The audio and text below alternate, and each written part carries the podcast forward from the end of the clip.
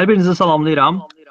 Axtaran adamın 9-cu bölümünü danışırsınız. Bu bölümümüzün adı Qalaktik səsdir. Çox uzaqlardan, qalaktikin, qalaktikanın ən uzaq nöqtələrindən gələn səslərdən danışacağıq. Bu bölümdə qonağımız Lalə İbrahimzadədir. Salam Lalə. Salam. E, xoş gəldin. Axır ki uzun bir müddət idi ki, səni qonaq dəvət eləmək üçün çalışırdıq. Axır ki indi alındı. Bəli. Çox vaxt. E, Lalə, hə, çox uzun bir vaxt idi ki, belə bir problemlər yaranırdı. Deməli, Lalənin qonaq dəvət eləməyimizdəki səbəblərdən biri onun ixtisasıdır. Lalə özün barədə qısaca ixtisası barədə məlumat verə bilərsənmi? Bəli. Harda oxuyursan, ixtisasın adı nədir? E, mən Bakı Dövlət e, Universitetində təhsil alıram. E, fizikşünas, yəni ümumi fizika. E, bura daxildir nanofizik, astrofizika.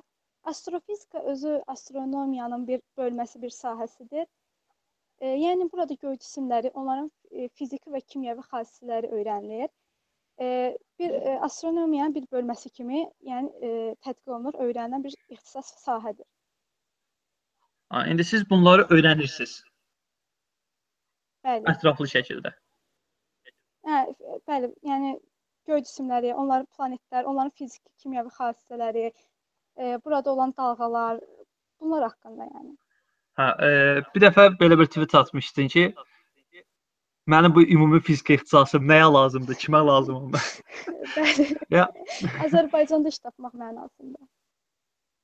Hə, elə mən də onu fikirləşdim. e, pa- qalaktik planetlərin falan o kimi fiziki kimyəvi əlamətləri dedin. Ağlıma gəldi ki, yəni o kimə lazım ola bilər onu araşdırmaq. Maksimum e, oradan gələn siqnalları araşdıranları. Yəni Bəli. Azərbaycanda rəsədxanada belə onu eləməzlər. Eləmədə bəli, biraz e, burada iş imkanı, yəni öz ixtisasımı işləmək biraz çətin məsələ olacaq. Onda e, olan bu olur ki, ingilis dili öyrənib Bəli, xarici təhsil fikirləşirəm. ha, Hindistana getmək olar. E, Yaponiyada yox. Yaponiya ola bilər, Koreyada, yəni təhsil almaq, yəni təhsil üçün yaxşıdır. E, təhsil formasında Hindistanın özü bir dəqiqə o Bəli, sə, NASA-dan astro a, buyurun, buyurun, buyurun. ya, ya tamamla cümləni. NASA-da işləyən çox işlərin çoxu ya Çinli ya da Hindistanlı olur. Yəni Hindistanda astronomiya daha, yəni göy cisimlərlə bağlı araşdırmalar daha üst səviyyədədir. E, tək ona görə demirəm. Yəni bax birinci yerdə NASA gedir, ikinci yerdə Rusiya ya Avropa gedirsə, bu dördüncü Hindistan gəlir. Yəni səmaya artıq kosmik aparatlarını e, Hindistan göndərir. Bəli. O proqramın içinə Hindistan girib. Ona görə dedim ki, yəni Hindistanda artıq təhsil alanda belə bir üstünlüyün var ki, elə bil ki, Amerikada təhsil alırsan, bir növ. Yəni NASA yanındadır, orada təcrübə keçə bilirsən. Hindistanda da elə. Təcrübə mənasında. Hə, Onda sənə qalır ingilis dili öyrənib bu dörd böyük ölkədən birinə getmək. İnşallah. Onda magistrini orada arzulayaq sənə. İnşallah. O belə deyim, həmişə türklərin verilişlərində olur. ya, Türklərin e, bəzi 4 nəfər var, 4 türk var. İndi hal-hazırda NASA-da işləyir. Kim hansını tapdı, radio verilişi, televizora verilişi, promo röportaj eləyir. Mən, mən indidən eləmişəm. Bunu saxlayıram burada. Gələcəkdə par- deyəcəm, bax Azərbaycanlı NASA işçisinin mən röportajını eləmişəm bizə çoxdan mən. Bu yaxşı. Məşhur olsam, gələcəkdə böyük nailiyyətim olsa, Qayıdıb axtaran Birinci adamı. röportajım. görürlər. birinci röportajımı sizə vermişəm. Onda deyirəm, NASA-da işlər necə gedir? Maaş yaxşıdır. Tamam. İndi e, qayıdaq mövzumuza. E, astronomiyanın ümumiyyətlə Wikipediyada araşdıranda qa- hamısı bir-birinə qatışıb. Astronomiya bir də astrofizika. Amma fərqi nədir? Yəni fərq cəhətdən astronomiya Aha, bütün e, yəni bütün göy cisimlər, bu bunlarla bağlı hər bir şey daxildir. Yəni sırf e, bir yönlü öyrənmir, amma astrofizikada yəni sırf bir yönlü, həm fiziki, həm kimyəvi cəhətdən, yəni dar ixtisas kimi, necə deyim, qəlibləşmiş, Ha. ancaq dar e, e, dar mövqe, mövqedə öyrənilir. belə Amma e, astronomiyada isə e, bunu daha ətraflı, yəni bu astronomiya burada astrom yəni e, daha geniş mənada, daha ə, yəni fiziki kimya xassələrdən çıxaraq da öyrənir. Bura zaman, məkan, hər bir prizmadan baxaraq öyrənir. Onda belə deyək də, yəni astronomiya riyaziyyatdır, astrofizika cəbirdir. Demək olar, hə. Yəni- Yəni bir bölməsi bir hissəsidir. Bir hissə. Çünki cəbrin yanında həndəsə də var. Qoludur. Bəli, bəli, bir qoludur. Aha. E, suallarımdakıların biri nebula idi. Nebula nədir? Nebula ulduzlar arasında yaranan böyük buludlardır. Elə nebula sözü latın dilində də bulud deməkdir. Necə E, yaranır? nebulalar hə, nebulalar bir ulduzun e, öl ölüm anında ətrafa yaydığı qazlar nəticəsində yaranır. E, bir ulduzun ölməsi ilə əmələ gələn e, nebulalardan yüzlərcə ulduzlar əmələ gələ bilər. E, nebulalar e, adları çox vaxt e, oxşadıkları cisimlərə görə verilir. Məsələn, Atbaşı nebulası vardır. Yəni o Atbaşına oxşadığına görə belə adlandırılmışdır. Nebulalar qazlardan və tozlardan ibarətdir. Kosmosda hava olmadığına görə, yəni nebulaların dağılması milyard illər çəkə bilər. E, E, nebulaların əmələ gəlməsinə e, yəni keçək. Nebulalar e, əmələ gəlməzdən əvvəl e, bir bir ulduz olurlar. Bu ulduz ölməzdən əvvəl qırmızı devə, ağ cücəyə, pulsarlar, yəni qara dəliyə çevrilir. E, qır, qırmızı dev e, ulduz, yəni o hala keçiddə 100 milyon e, Selsiyə qədər, yəni temperatur e, yəni yaranır. Burada temperaturun e, qalxması ilə istik, istilik və təzyiq yaranır və bu burada təzyiq nəticəsində, yəni ulduzda olan qazlar kosmosa yayılır. Dağılır və burada yəni nebulalar əmələ gəlməyə başlayır. mərkəzdə nə qalır? Yəni e, bal, ba- e, balaca ağ, e, yəni nebula e, ulduzun yəni e, ağ cücəs e, formasında, yəni ölü, yəni ölü ulduz qalır. Yəni belə deyəm, mən bildiyim qədərilə ulduzun gücünün itirilməsi, onun içinə çökməsi idi. O da qara dəliklər yaradırdı. Bəli, amma qara dəlikdən əvvəl, daha doğrusu, yəni ulduz ölməzdən 3 mərhələdə gedir. də, Elə bil qırmızı dev olur, ağ cücə olur, sonunda pulsar, yəni qara dəlik olur. Nebulanın yaranması birinci mərhələdə baş verir. O qırmızı dev olan ə, zaman baş verir. Yəni qara dəlik olan ə, o axıra qalır. Yəni ulduzun tamamilə ölməsi, yəni anıdır.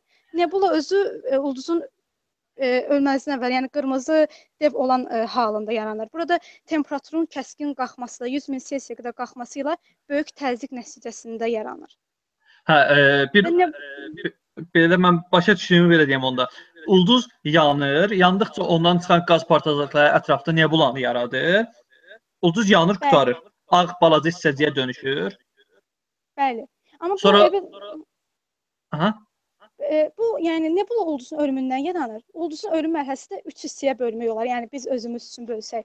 Burada yəni o ə, əvvəlcə qırmızı dev olur, sonra ağ cücə, sonda pulsar, yəni qara dəliyə çevrilir. Yəni bütün enerjisini itirir. Verir. Nebulanın yaranması birinci mərhələdə baş verir. Qırmızı dev halında olan, yəni ulduz qırmızı dev halına keçəndə baş verir. Ya, e, nebula sonradan yox olmur da, yəqin ki qalır. Yox, ya, ə, ondan yeni ulduzlar yaranır. İndi bir nebula fikirləşək. E, içindəki ulduz 3-cü mərhələyə, ölümün sonuncu mərhələsinə keçib qara dəlik çevriləndə ətrafında nə qalmış olur? Çoxlu uzaq e, ulduzlar, Kiçik ulduz hissəcikləri. deyim. nebula vasitəsilə yaranmış ki- kiçik ulduz hissəcikləri. Yəni nebula öz daxilində yeni ulduzlar saxlayır. Əmələ gətirir. Bunu bilirsiniz nəyə bənzətmək olar? Sümük qurşu öz küllərindən yenidən yaranır. Bax ona bənzətmək olar. Yəni ulduz ölür və ondan nebula yaranır. Yenidən o nebuladan ulduz doğulur.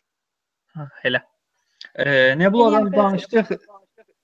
Yəni nebulalar Onun sonunda nebulaların yəni e, formalarına görə bənzətməsi var. Bir də e, mən o tweetdə atmışdım. E, 1782-ci ildə 7 sentyabrda William Herschel tərəfindən tapılan e, nebula var idi. Bu Saturn e, nebulası adlanır. d- dünən dünən idi dəfə. Bəli, bəli. Aquarius ulduz qrupundan 3900 işıq ili uzaqlıqda yerləşir. Yəni bu nebulanı adi gözlə, teleskop vasitəsilə də müşahidə etmək, yəni mümkündür.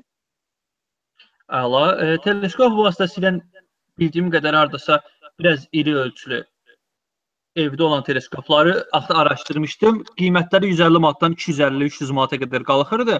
O da ölçülərinə görə dəyişirdi. Ən kiçik olanlar, daha ən böyük mümkün qədər evdə istifadə edə biləcəyimiz. O böyüklərlə hətta nebulaları e, hətta burdan ya Saturna qədər, Saturnun 1-2 peşini belə görə biləcəyimiz formada. Bəli, planetləri də müşahidə etmək olar. Amma açıq səmada biz nebulalar görə bilmirik ya da hansılar, hansı hissədədir ki, səhv baxırıq? E, nebulaları açıq səmada, yəni gözlə müşahidə etmək e, mümkündür.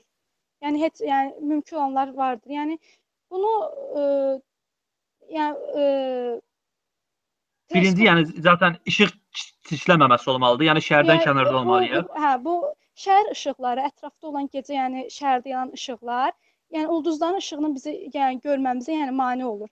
Yəni bunun üçün ətrafda yəni işıq olmasın, yəni şəhər kənarı bir yer olsun. Yəni ətrafdan gələn işıqlar e, kosmosun yəni işıqları görməmizə mane olur. Şəhər işıqları deyərdim. Yəni belə belə bir e, sözlə ifadə Belə. edərdim. Belə mane olur. Yəni açıq gözlə də yəni e, nebulaları görmək, müşahidə etmək mümkündür. Amma teleskopda yəni daha uzaq, daha e, kosmosun dərinliyində, ənginliyində olan nebulalarda yəni müşahidə etmək mümkün olur. Yəni buna mane olan şəhərdə olan işıqlardır. Yəni gecə işıqlarının olması deyərdim. Hə, şəhərdəki işıqlar, e, belə deyim, bildiyim qədər bu o nebulalar ki olsun ya digər planetlər olsun ki, araşdırmalar aparan bu teleskoplar olan, rəsədxanalar olan yerlər həmişə şəhərdən çox kənarda olur. Bəli, bəli. Amma bunun iki səbəbi var idi. Bir bu işıq məsələsinə görə, digəri dalğa məsələsinə görə. Orada radioaktiv dalğaları da ölçürdülər və şəhərdə bizim məsəl üçün tele işlətdiyimiz telefon dalğası ona mane olurdu. Ə, kənardan olan bəli dalğa müdaxilələri, parazit dalğalar deyərdim. Parazit dalğaları. Bəli. O ona görə hə- hər iki səbəbdən şəhərdən Bəli, kənarda bu- olurdu. Bəli, elə bu parazit dalğalar girmişdi elə kosmik mikrodalğa arxa plan şüalanmasından da aşağı. Elə Ba- onun hekayəsi də parazit dalğalarla əlaqəlidir. Aha, başla. Ə, birinci elə e, kosmik mikrodalğa haqqında məlumat vermək istəyirəm. Sonra onun kəşf olunması, yəni bu hadisə haqqında. Biz bilirik ki, yəni kainat 13.7 milyard il əvvəl Big Bang e, partlaması ilə yəni yaranmışdır. Yəni əsası oradan götürülür. Big Bang partlamasının bu qədər yəni əmin ol, yəni olması, yaranmasına əmin olmağımıza səbəb e, kosmik e, mikrodalğa arxa plan şüalanmasıdır.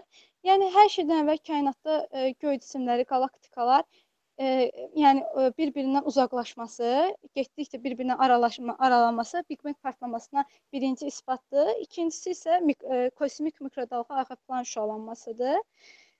E, burada e, biz əgər televizorlar hər hansı Big Bang partlamasından sonra mikrodalğa arxa plan şüa- şüalanmasının yəni varlığını necə sübut edə bilərdik? E, biz televiziyaya baxanda, hər hansı bir boş kanalı açanda, televiziyada olan e, qarşıqalanmalar ya da hər hansı bir radioda olan e, cızı, cızıltılar, bunlar onun e, s- nəticəsidir. Yəni burada olan e, parazit dalğalara görə belə olmuşdur. E, bunun e, necə kəşf olunub? Necə yəni e, e, arxa plan e, şüalanması kəşf olunub? 1964-cü ildə e, iki dost radio e, radio e, radioda yəni çıxış hazırlayarkən, yəni radiola məşğul olarkən deyim, Ar e, Arno Penrios, Robert Wilson öz laboratoriyalarında antena ilə işləyərkən, e, işləyərkən siqnallarda e, yəni e, parazit siqnallar e, təsir eləyir və radio siqnallarda e, yəni müdaxilələr olur. Onlar əvvəlcə yəni e, bunun nədən baş verdiyini anlaya bilmirlər. Onlar antenanın e, e, üzərində olan elə əvvəlcə elə bilər göyərçin və onların yuvaları nəticəsindədir. E, elə hesab edirlər. Onlar antena yəni təmizləyirlər, yenidən yoxlanış edirlər. E, bu parazit e, siqnalların təsirindən azad edə bilmirlər. Buna görə də onlar e, e, antenanın təmiz, e, təm, təmizlənməsindən sonra, yəni heç bir dəyişiklik olmadan görüb, yenidən e, bu üzərində bu, haqqda araşdırmalar eləyirlər və onlar e, e, arxa plan şüalanmasını kəşf edirlər. Hətta bu haqqda sonralar iki məqalə də yazırlar və 1978-ci ildə Nobel mükafatına da layiq görünürlər. NASA kosmosa yolladığı e, COP-P2 ilə də bu şüalar şüalardan siqnallar almışdır və yəni arxa Bəli. e, üzr istəyirəm. E, son iki cümləni təkrarlayan internet ilişməsindən səs problemi yarandı. Ə, sonralar e, Arno Pen Penrose və Robert Wilson 1978-ci ildə e, Nobel mükafatı alırlar Aha. və NASA-nın e, sonralar e, bu haqqda iki məqalə də yazırlar və NASA sonralar COP2 vasitə COP2 yollayır kosmosa və bu mikrodalğaların şüalanmanın yəni e, tədqiq e, tək, e, tədqiq eləyir. Mikrodalğada e, temperatur 2.7 Kelvinə qədərdir. Onun tezliyi 160.2 Hz-dir və ə, uz, yəni ölçüsü 19 millimetr millimetrdir. Yəni ə, arxa plan şüalanması ə, ə, Big Bang partlayışının yəni olduğunu ikinci göstərən amillərdən biridir. Və qeyd etdiyim kimi, birincisi isə e, yer kürəsi, ə, e, göy cisimləri, qalaktikaların bir-birindən getdikcə uzaqlaşması, aralaşması da yəni Big Bang partlayışına olduğunu göstərir, sübut edir. Göstərir. Və e, Big Bang Yəni üzr istəyirəm, bir sual ağlıma gəldi. Hə, e, Big Bang partlayışı sadəcə buradan başa düşdüyüm bu oldu ki, yəni Big Bang partlayışından sonra Bəli, o partlayış nəticəsində ətrafa yayılıb bir toz yə Necə? şüalanma. Bəli, bəli, şüalanma, bəli. Hə. Və onun nəticəsidir ki, yəni Big partlayışdan sonra necə kainat böyüyür, o şüalanma da kainatın içində qalır. Onda biz o şüalanmaya baxıb kainatın yaşını da görə bilərik.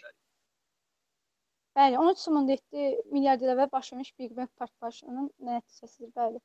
Amma ə, e, Big Bang partlayışından əvvəli məsəl üçün təsəvvür etmək, yəni yəni necə olduğunu demək biraz qeyri-mümkündür. Çünki Big Bang partlayışından əvvəl zaman təsəvvürü olmayıb. Yəni bir fizikada vardır ki, yəni zamanın olması üçün materiya olmalıdır, maddə olmalıdır. E, zaman məkan anlayışına görə.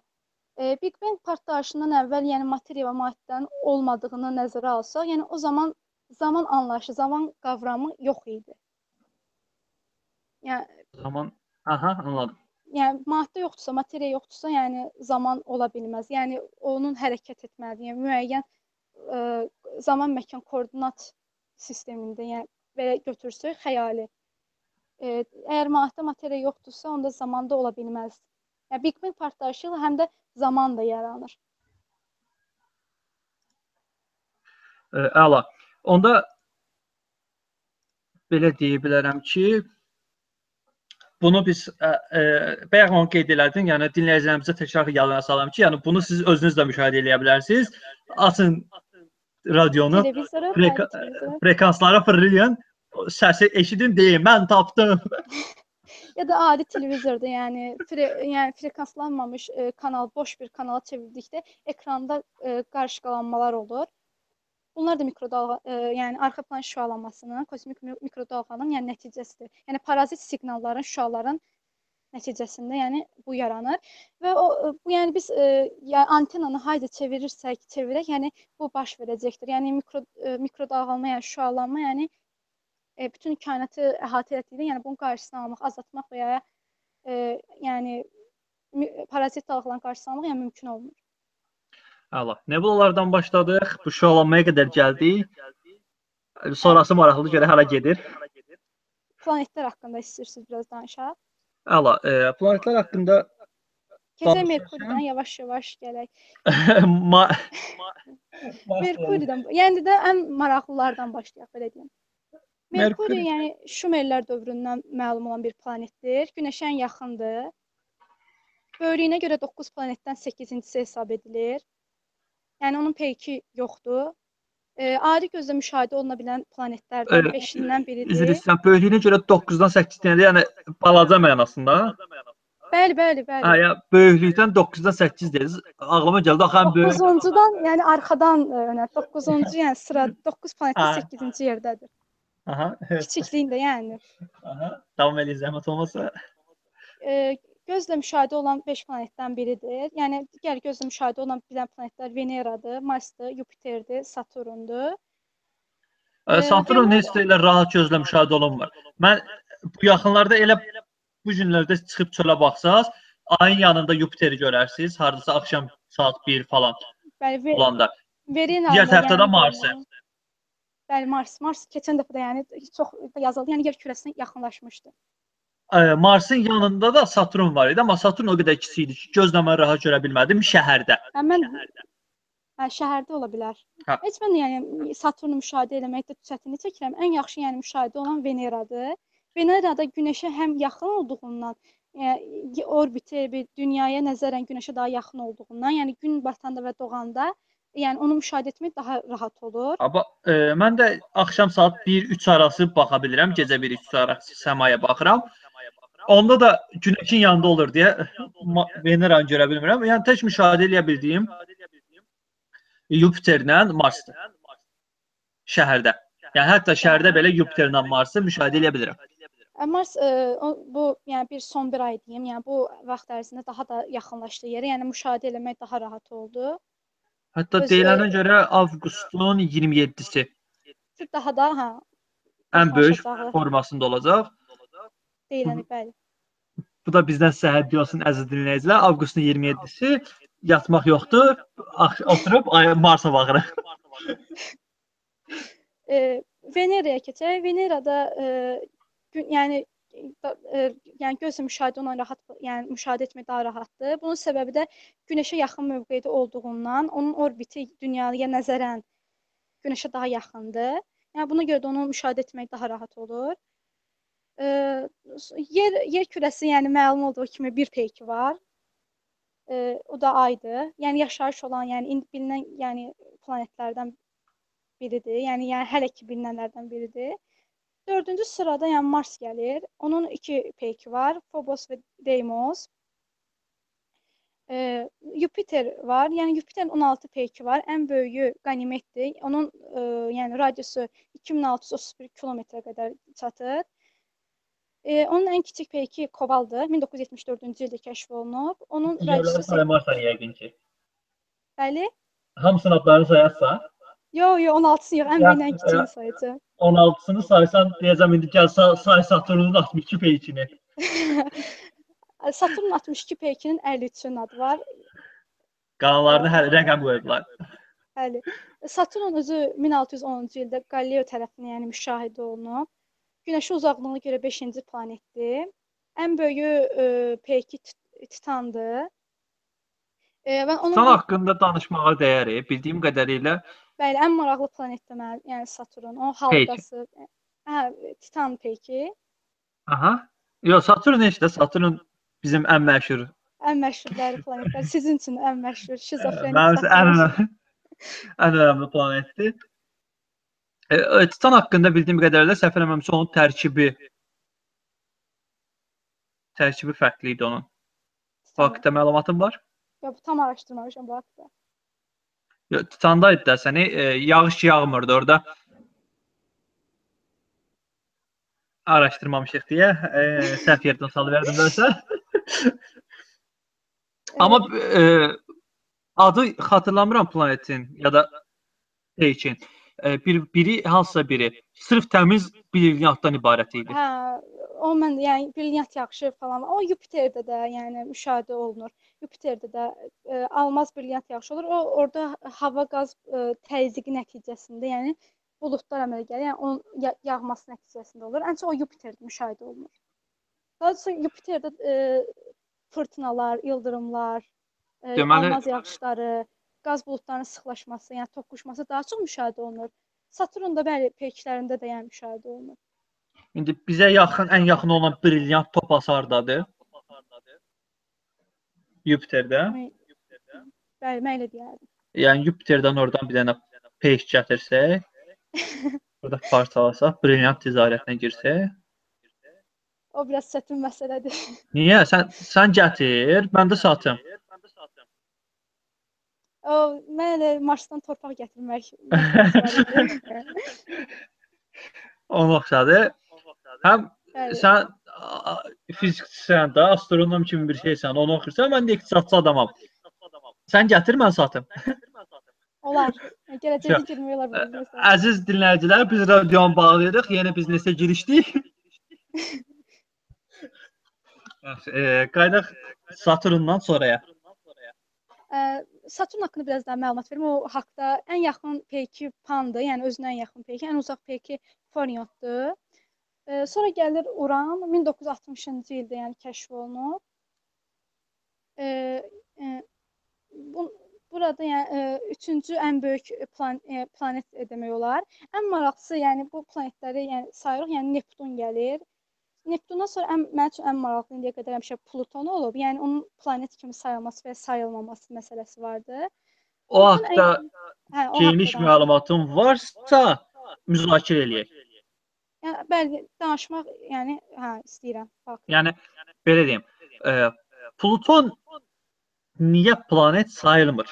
Bəli, hə, o haqqda danışmaq istəyirəm elə. Aha. E, Pluton ən, ən kiçik planetdir və o ən kiçik planet olduğundan və xarici mərkəzli bir orbitə sahib olduğundan, yəni e, onu planet saymırlar. Yəni xarici mərkəzli bir orbitə sahib olduğuna görə, yəni Günəş sistemində, yəni Günəş ətrafına dövrü, yəni tamamlamaq e, tamamlamaq söhbəti var da, yəni planet üçün. Yəni bunu Xarici yəni, orbit deyəndə ki, onun mərkəzi nədir? Nəyin ətrafında yəni Günəş fırlanır? sistemi yəni nəzərdə tuturuq. Yəni digər planetlər Günəşin ətrafında fırlanır. Bəli, yəni o yəni e, onun yəni dövr etməsi, yəni e, planetlərin e, mən bu haqqda bir məqalə oxumuşdum. E, burada yəni deyir planetlərin belə bir belə deyərdim, yəni qısa belə bir məzmunda deyərdim ki, planetlərin Günəş sistemində, yəni Günəş ətrafında bir tam yəni dövr etmə vardı. Yəni öz orbit, yəni bir e, bir orbit, yəni e, xarici mərkəz, yəni tam bir orbit ətrafında dövr etməyi vardır. Yəni Plutonda bu müşahidə olunmur. Xarici mərkəzi bir orbitə yəni sahib olduğundan, yəni Günəş ətrafında dövrünü çox ləng, yəni e, tam digər planetlər kimi tamamlaya bilmədiyindən, yəni onu say saymırdılar, yəni belə deyək. Yəni e, belə deyim, planet olmaq üçün şərtləri nədir? Planet olmaq üçün yəni həmin Günəş sistemindən, yəni həmin Günəş sisteminin planeti olmaq üçün, yəni o sistemə daxil olmalısan. Yəni o Günəşin ətrafına, öz Günəşin ətrafına dövr etməlisən, belə deyərdim. E, belə deyim, iki boyutlu baxanda, iki boyutlu baxanda ortadakı bir nöqtənin ətrafında fırlanmalısan. Bəli, yəni Günəşin ətrafında, yəni öz, öz bəli, elə demək olar. Yəni tam dövr etməyi. Aha. E, Plutonda bu olmur. Yəni tam müşahidə olunmur. Hətta onu e, peyklərini e, o qədər yəni ləng və dövr edir ki, ölülərin ruhunu yerin altındakı şaxlığı keçirən Xaron var, yəni əfsanə, mif. Hətta Aha. onun peykini də e, yəni Xaron adlandırmışdılar. 1930-cu ildə, yəni 18 fevralda e, Hətta onun peyki də var. Xaron adlandırıblar, bəli. Bir dənədir. Tapıla bilən bir dənədir. Bəli, yəni bir söz e, onun e, yaxından heç bir, yəni müşahidə olunmayıb, uzaqdan teleskoplar vasitəsilə müşahidələr aparılıb. Yəni ona heç bir kosmik e, aparat yollanılmayıb. Voyager yəni, aparatı səhv eləmirəmsə artıq Saturnu keçib gedib. Planet Ariona Lovel rəsədxanası. E, Baxın. Planet Arion Aha. Planet Arizona Lovel rəsədxanasından e, 1930-cu ildə, yəni 18 fevralda, yəni müşahidə zamanı teleskop vasitəsilə onun bir peykini müşahidə edə bilmişdilər. Bu da Xaron idi. Ölülərin ruhunu yerin altındakı şaxlığa keçirən, yəni əfsanə mifik, mifik qəhrəman. Tamam. E, Voyager aparatı səhv eləmirəmsə gedib Saturnu keçib. Ha, bu yaxın, bəli, o bu bugünkü müasir dövrümüzə aiddir. Mən bu 1930-cu il 18 Yo yo, fevral. o heç yəni ikilərdən danışdın sən. Bəli, bəli. Yəni indi bizim Plutonu təzədən şəklini çəkmə imkanımız var Voyager aparatı vasitəsilə, yoxsa həmənki istiqamətdə deyil hal-hazırda? Yəni təmiz əks istiqamətdədir. Yenidən çəkmək e, deyəndə ki, yəni e, öz or, yəni öz yəni daimi xarici mərkəzi orbitə sahib olmadığına görə, yəni o çəkmək mümkün olar. Yo, E, biz səninlə mən dediyim, e, bir yenə biz bunu qaydaq iki ölçülü şəkil fikirləş, müstəvi ortada bir nöqtə Bəli, var. Günəş sistemi, Aha. bəli. O giflər paylaşırdınız Twitterdə. Onun kimi planet planetlər fırlanır. Bəli. Bəzən biri solda olanda digəri təmiz sağ tərəfdə olur da, yəni Bəli, bir-birindən bəli, çox bəli. uzaq. İndi bizim Orbitlər yəni nizamlı olmur, yəni bir-birinin ardıcıl aha. olmur. İndi bizim Saturnun ətrafındakı hal-hazırda duranda e, Voyagerimiz Saturnu keçib gedəndə digəri onun Başqa bir yaxınlığındadır, gün- yoxsa orbitin başqa bir tərəfindədir? Başqa bir tərəfində. Hə, ona görə onu görüntüləyə bilməyəcəyik. Bir, bəli, bəli. Bax, İndi çat, yəni sualınız nə Aha. demək istəyirsiniz? Əla. E, e, Pluton haqqında danışanda ölçü məsələsinin onun planet olub olmamasına təsiri var.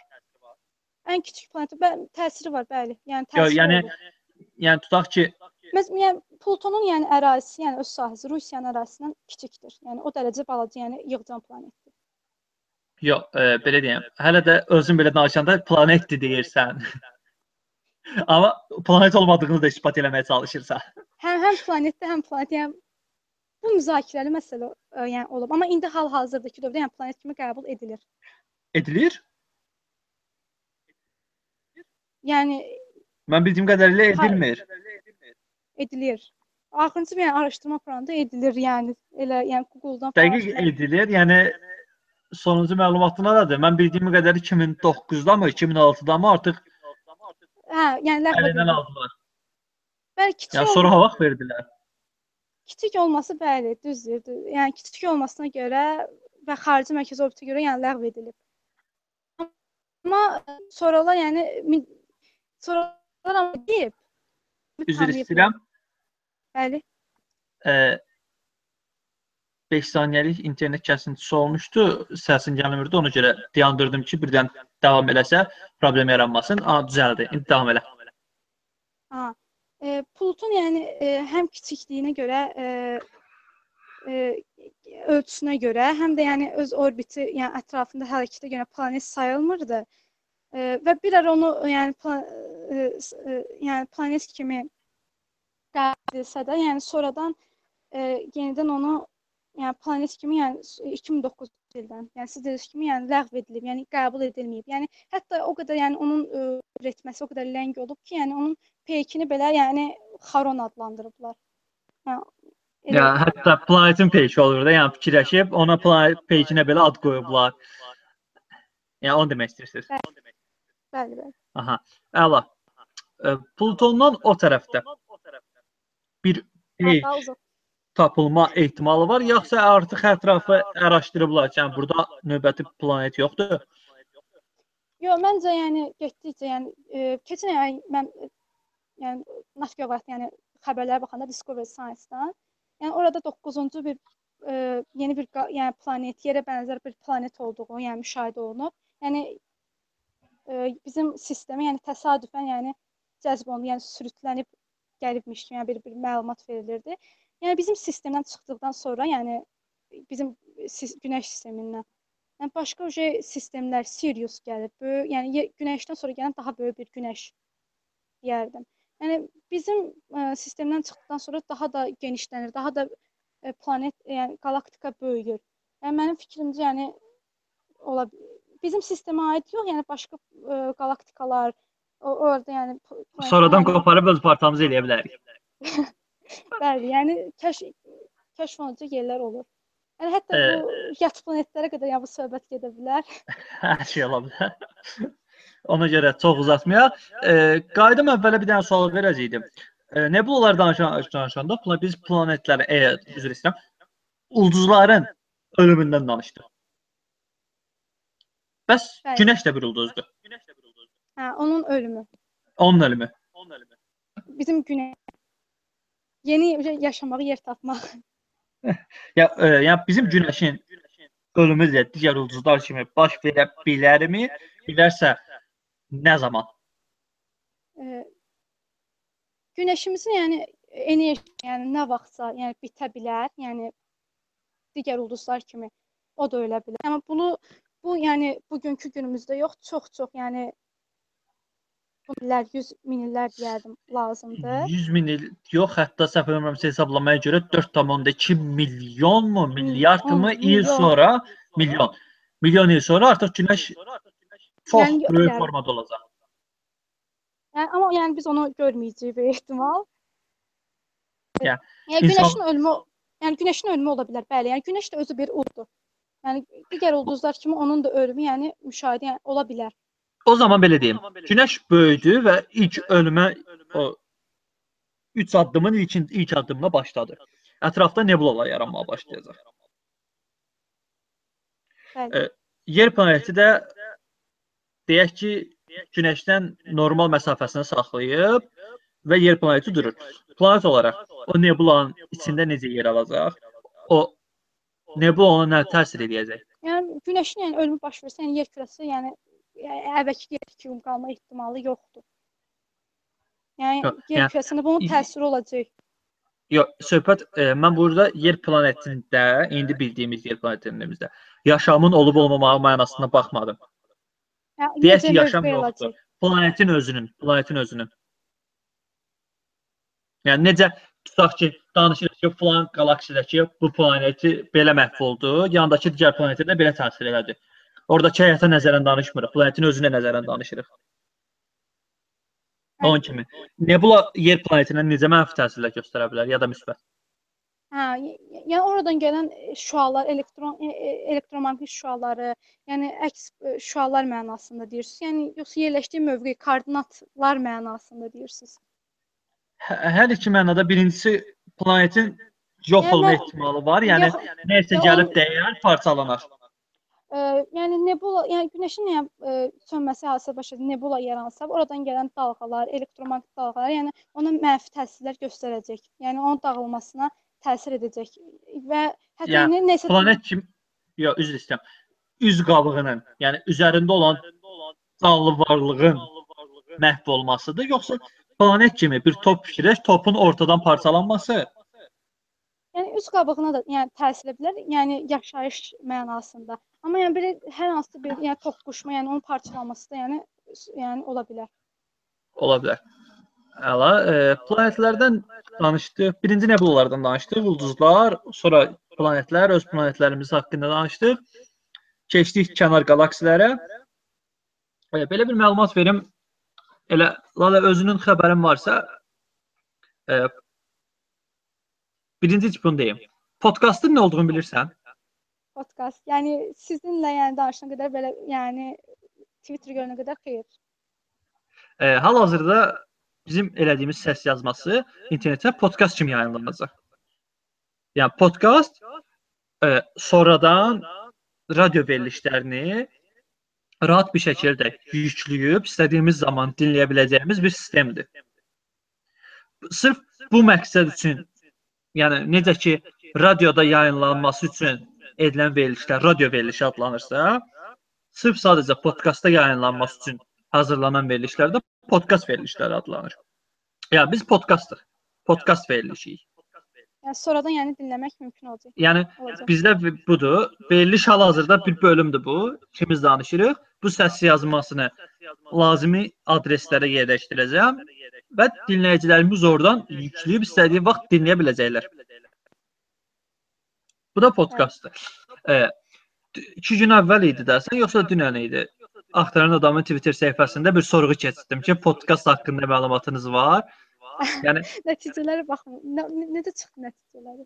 o 9 nəfər səs vermişdi dəsən, çox böyük səs vermə oldu. İndi də təkrar ona girib baxa bilərəm. Mən axırıncı baxanda 9 nəfər səs vermişdi. O 9 nəfərin səs verməsinə görə də e, hardasa 3 nəfər idi ya 4 nəfər idi podkastın nə olduğunu bilmirdi, amma axtaran adam izləyirdi, sorğusunda iştirak eləyirdi. Ya o qədər gözəl vəziyyətdir ki, axtaran adam hətta ya bizim nə olduğumuzu bilmədən də dinləyirlər. 3 nəfər o nədir deyə soruşmuşdu. Ya, sorğuda variantlar bu idi. Demək olar ki, hər gün podkast dinləyirəm. Vaxt olduqca podkast dinləyirəm. Podkast nədir deyə üçüncü variant var idi. E, Bir nəfər demək olar ki, hər gün podkast dinləyir.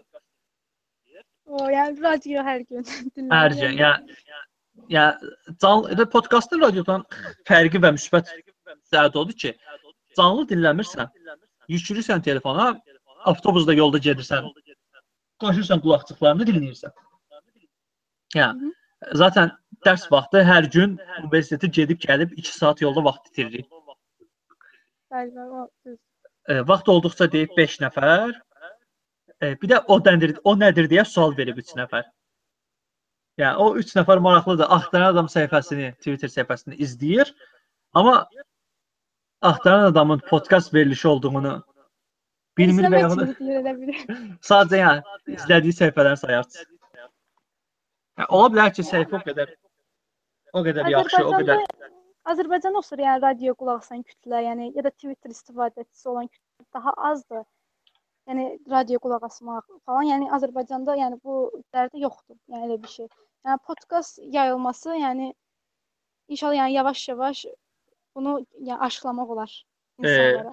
Bilirəm, biz onu nəzərə alıb sırf podkastın əsas məskanı olan iTunes-də ki e, iPhone-u işlədənlər və yaxud iPod işlədən və s. də iOS sistemli bir məhsul işlədənlər iTunes-də podkast bölümü var. Girib oradan bütün dünyada olan podkastları dinləyə bilərlər. Hansı ki iTunes-də qeydiyyatdan keçib. Əsas məkanı odur. Digər tərəfdən verilişimizi oradan qeydiyyatdan keçirdiyimə görə e, hər hansı başqa sistemli telefonlarda podkast proqramı yükləyib, yəni marketə girib podkast yazırsınız, gələn proqramları yüklürsüz istədiyinizi. O proqramda axtarış verib həmənki iTunes-dəki podkastları da tapa bilər. Yəni mən Android işlədirəm, Podcast Addict adlı bir proqram yükləmişəm. Oradan abunə ola bilirəm öz verilişimə, iTunes-dəki verilişimə. Play Store-dan yəni bunu yükləmək olar. Ha, yükləmək olar. E, üstəgəl e, deyirəm ki, yəni hamının iTunes-in podkast və proqramından xəbəri yoxdur. Bölümlərimizi internet üzərindən Mixcloud-a yerləşdirirəm. Kompüter başında oturan Mixcloud-dan girib istədiyi bölümə dinləyə bilər. E, sonra bu da bəs eləmir. Yenə bəlkə kiməsin əli çatmır, dinləyə bilmir deyib bölümlərimizi bir şəkil yerləşdirib, səsi ora qoyub video vəziyyətində YouTube-a paylaşıram. Ha, YouTube-da Aha. E, dünən bu səs yazmanı eləyəndə elə bu gün ayın 15-i 8-ci bölümü paylaşdım. Yəqin ki bu səs yazmanı da 9-cu bölümü. Bir 2 günə falan paylaşaram. İnşallah. Sadəcə 8-ci bölümün videosu hal-hazırda yoxdur YouTube-da. Digər 7 bölümün hamısı var. Amma podkast vəziyyətində, Mixcloud vəziyyətində və yaxud hər ikisində bütün bölümləri dinləyə bilərlər.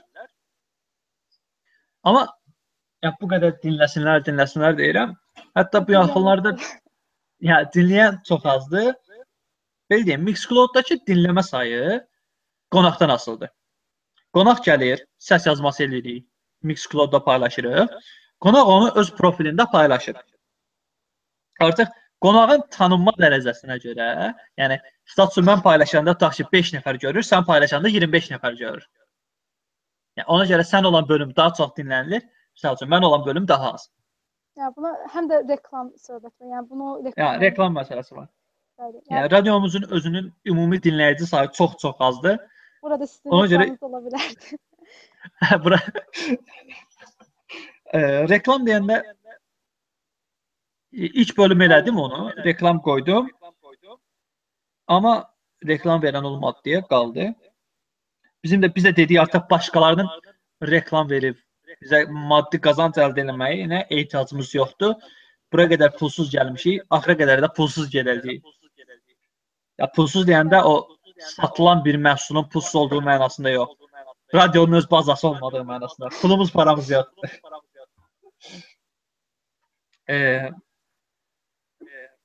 sən danışdın, sonra mən burada söhbəti niyə podkasta gətirdim bilmirəm, amma podkast haqqında da qısaca məlumat verdim. Yəni bu gənclər arasında yayğınlaşmağı biraz uzun çəkəcək. Yəni Azərbaycan gəncləri heç məşhurdur. Yəni radio Aha. dinləmək üçün özü məşhurdur belə. Qaldı ki, podkast dinləsinlər. Bəli.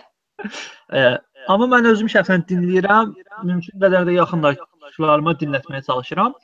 Çünki həqiqətən düşlərdə maraqlı podkast verilişləri var. Oturub dinləməyə layiq. Elə hər bölüm imkan olduqca adlarını çəkirəm. Bir ikisini də elə burdan nümunə kimi deyim. Türklərdə.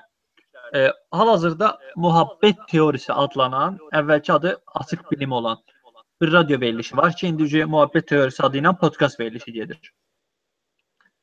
Onu dinləyə bilərlər. Çox super bölümləri var. Hətta indi birazdan bir e, galaksiyalar haqqında danışanda oradan bir məsələni misal çəkəcəm. Bundan başqa bilim kazanı var. E, sonra digər həm sosio-psixoloji olsun, həm astronomiya olsun, həm fizika kimya olsun, həm texnologiya olsun. Çoxlu-çoxlu sayda həqiqətən podkast verilişləri var ki, onları dinləyə bilərlər. Məsəl üçün nümunə kimi deyim. E, proqramlaşdırma ilə məşğul olanlar DevPod, e, bu masalda Periokdur, e, Çikolatalı Akantiyeci ad, adlı 3 podkastı dinləyə bilər. Elmlə maraqlananlar Bilim Kazanı, Açıq Bilim radio proqramı, Yalansa var. E, sonra Muhabbet teorisini dinləyə bilərlər. Yalansa varı artıq podkast kimi də çıxır. Aha, Twitterdə var onlar. Yeni bölümlər paylaşdıqca retweet edirəm hər dəfə. Hə, yəni görmüşəm, retweetləri görmüşəm. Yəni bu Azərbaycanda qulaq asmaq biraz çətin məsələdir. Yəni cəmiyyət e, yəni psixologiyası vardır. Yəni o əvvəlcədən yəni aşılanmayıb ya da görməyiblər qulaq asmaq lazımdır. Yəni o maraqları yoxdur. Ya, o biraz gəzir arası yaymaq çətindir. Aha, ona qayıdacağam. 2 dənə də misal çəkən podkastlardan məsləhət gördüklərimdən sosial psixoloji söyləyişləri var. Bir də ə, hansı idi burada deyəcəydim? Psixoloji okulu var. Bu qədər. Yəni axtarsaz bu hələ mənim dinlədiklərim idi. Axtarsaz çoxlu-çoxlu podkast tapa bilərsiniz. Tək türkcə yox. Başqa dillərdə də var. İngilis dilində dinləyə bilərsiniz. Podkastı sırf yəni o məlumat yox, dili öyrənmək üçün də işlətmək olar. Fransız dili öyrənirsən, yüklürsən fransızca podkast dinləyirsən. Dinləyirsən. İndi e, sən dedin yaygınlaşma məsələsinə bir imkan olmuşdu. Bir yerdə qısa bir 7 dəqiqəlik çıxışım olmuşdu. E, təlim, kiçik bir təlim idi. Orada podkast haqqında danışdım mən. Belə bir hesablama eləmişdim. E, il ərzində biz 9 aylıq təhsil ərzində biz yollarda hardasa 2 saat. E, hər gün 2 saatdan xərcləməklə təxminən hardasa deyə bilərəm ki, 1 ilə 1 semestrlik fən, yəni 90 saatlıq bir dərs qədər yolda vaxt keçirir ki, bəlkə də daha artıq. Yəni fizika dərsinin materiallarını səsli vəziyyətdə yolda dinləsəydiniz əgər, bir il universitetə gedə, gələndə sonda tutaq ki 10 fən yox, 11 fən bitirmiş olurdunuz. Hmm. Yəni bir fəninizi yolda keçirirsiniz. İnsanlar da yolda nə edir? Sadəcə mahnı qulaq asır. Bəli, yalnız mahnı. E, podkastda qulaq asa bilərlər yol ərzində.